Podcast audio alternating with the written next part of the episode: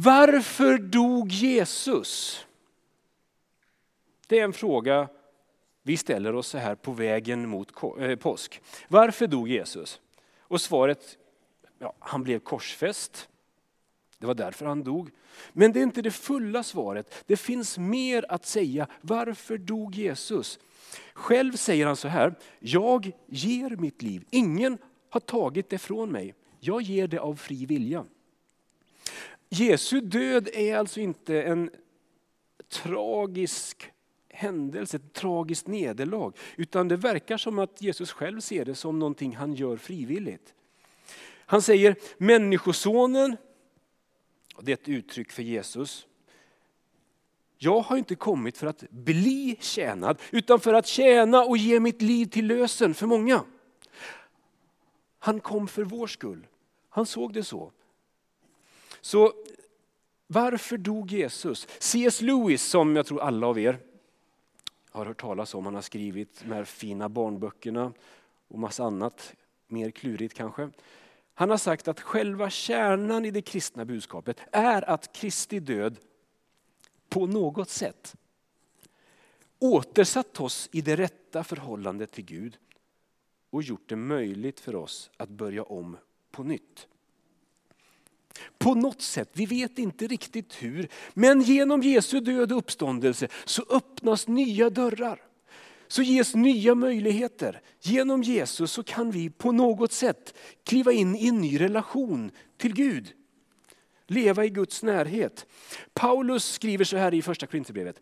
Vad vi förkunnar, det är Guds hemlighetsfulla vishet. Den visheten som var fördold, men som redan före tidens början av Gud var bestämd att leda oss till härlighet. Är ni med? Det är vad Paulus förkunnar. Den, kände, den här visheten kände ingen av denna världens makter till. Om de hade känt till den skulle de inte ha korsfäst härlighetens Herre. Vi förkunnar som det står i skriften vad inget öga har sett, vad inget öra har hört, vad ingen människa anat. Vi förkunnar det som Gud har berättat åt dem som älskar honom.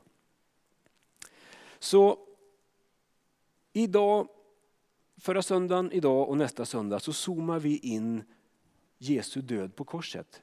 Vi går mot påsken och vi stannar upp inför Jesu död och hans uppståndelse. Det här är ett mysterium. Vad var det som hände? Hur påverkar det oss och världen? Det här är ett svindlande stort mysterium. Och idag så vill jag ta er med till det blir ett antal bibeltexter. Bibeln hänger ihop. Nya testamentet hänger ihop med gamla testamentet. Nya testamentet plockar upp texter från gamla testamentet och förklarar dem i ljuset av Jesu död och uppståndelse. Så jag hoppas att det ska gå att följa med idag. För idag ska vi läsa från Apostlagärningarna 8 och ifrån Jesaja kapitel 53. Låt oss bara kort uppstå och be om Guds tilltal idag. Vi står tillsammans. Herre, när vi nu är på väg att läsa bibeltexterna så ber vi, tala till oss. Vi ber att vi något mer skulle få en inblick i det mysterium som, tro, som korset står för. Vad du gjorde för oss och för världen. Vi ber att du heliga ande skulle förklara för oss det Jesus har gjort för vår skull. Amen. Amen. Följ med och följ med nu in i Apostlagärningarna 8. Vi börjar där. Det är en varm dag eh, och Filippos uppfattar att Gud talar till honom och säger gå ut på den där vägen som leder till Gaza. Den ligger öde. Det finns inte en själ där. Gå. Och Filippos går. Gud talar, agendan kastas om och Filippos är redo att faktiskt ta kliv när, som hjärtat bultar och Gud någonstans har talat. Eh, han går där, det står ingenting om hur länge han går. Men plötsligt så ser han en schysst vagn med ett gäng afrikaner. De kommer från Etiopien. Och då kommer nästa tilltal. Då, då Gud säger, gå fram till vagnen och håll dig intill den. Den där mannen som färdades i vagnen, han är inte militär, han är ekonom och därför dras vagnen inte av hästar utan av oxar. Eh, och oxar springer inte så snabbt så Filippos kan liksom i rask takt komma ikapp och han går där bredvid. På avstånd så måste han tänka att det där är en annorlunda man eller annorlunda män i den där vagnen. För mannen har en chaufför eh, som gör att han själv kan läsa. Men när Filippos kommer närmare så tror han inte sina öron. Det är otroligt. Det är ju på hebreiska. Den etiopiske mannen läser högt på hebreiska, alltså Filippos språk.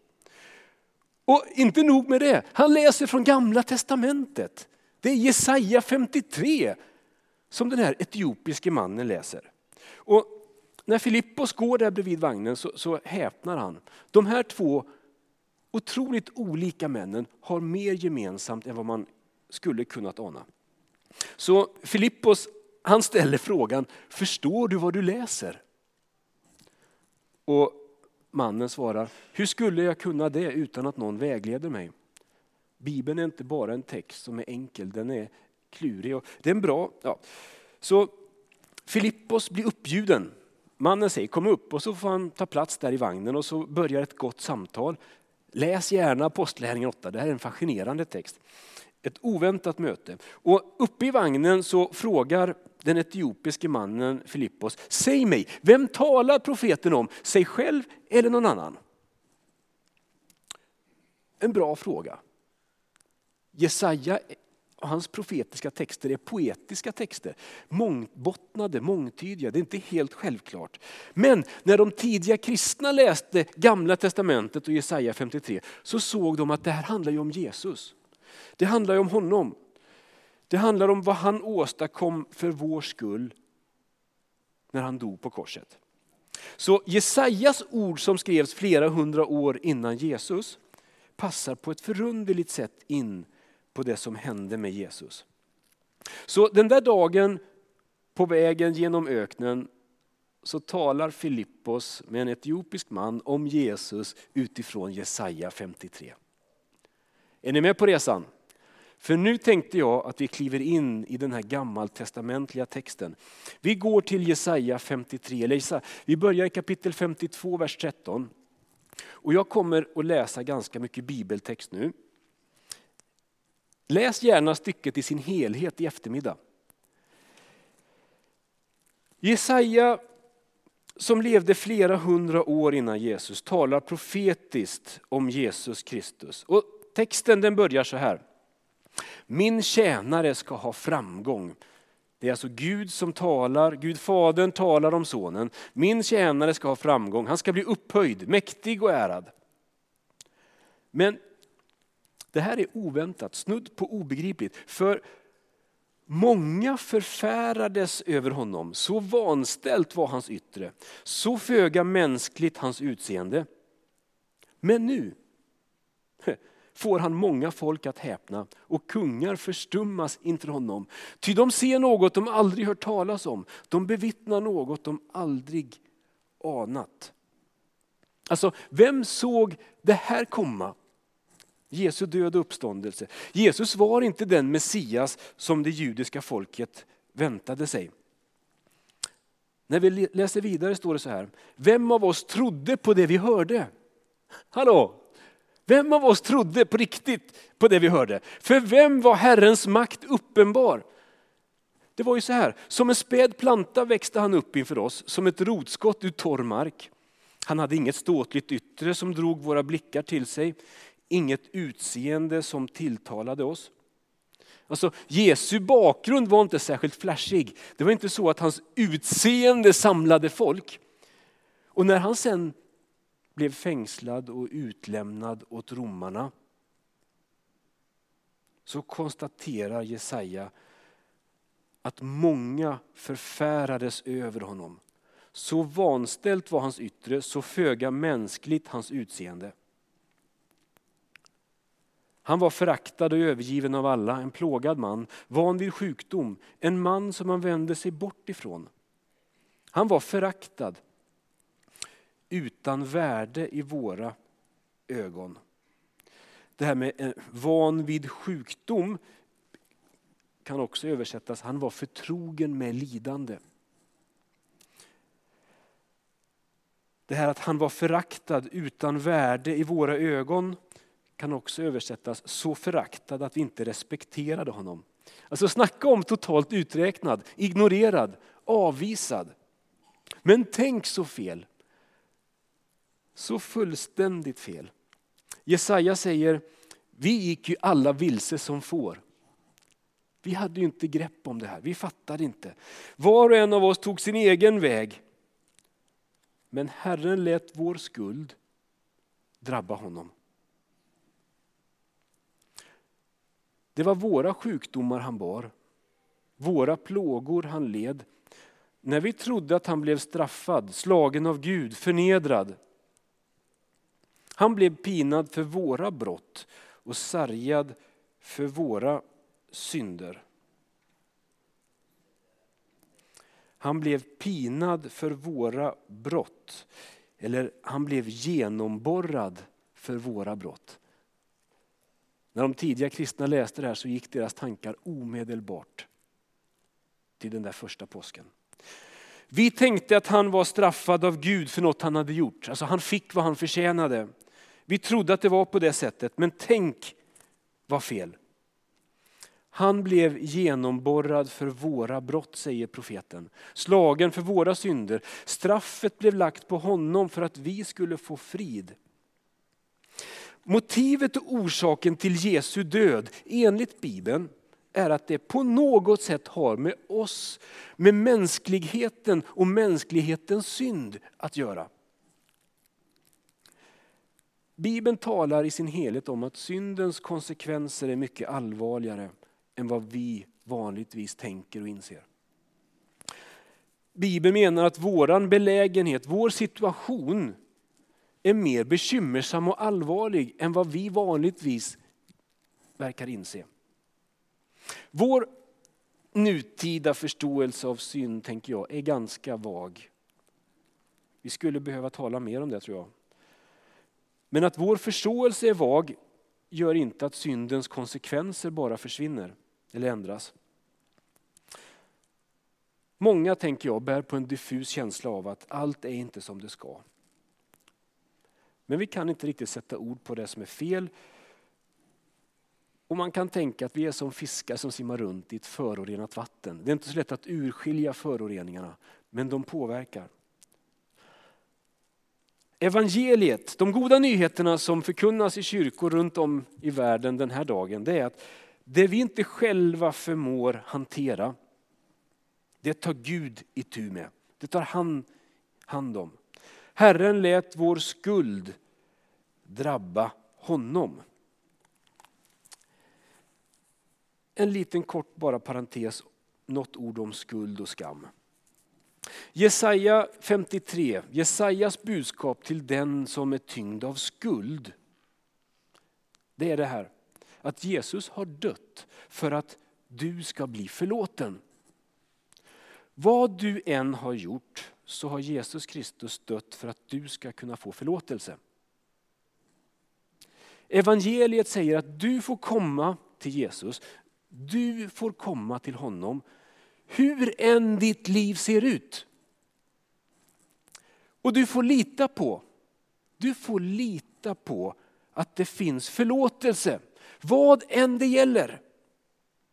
Det är budskapet till den som är tyngd av skuld.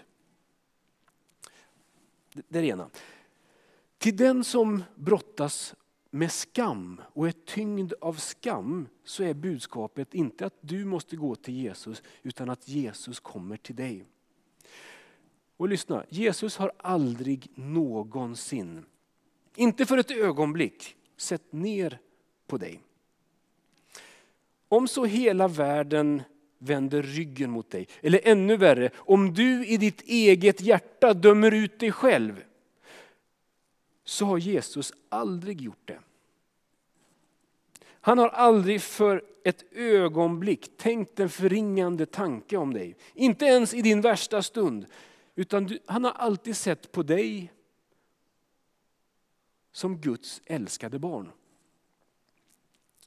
Det finns ingenting som kan få Gud att vända sig bort ifrån oss. Så Jesus kommer till oss för att lyfta av vår skuld, för att ta bort skammen, för att befria människor och lyfta upp. Och han kommer och han dröjer sig kvar tills insikten om att vi är Guds älskade barn på riktigt kan sjunka in. Tillbaks till Jesaja. Jesaja profeterar om Jesus och han säger att Jesus har gjort sig till ett skuldoffer. Han bar de många skuld och bad för syndarna. Vad är ett skuldoffer? Eh, I gamla testamentet, i judisk tradition, så finns det ritualer för offer. Man off, offerlamm, man offrade ett lamm för synders skull. Och så, ja, det här läser vi om i tredje Mosebok.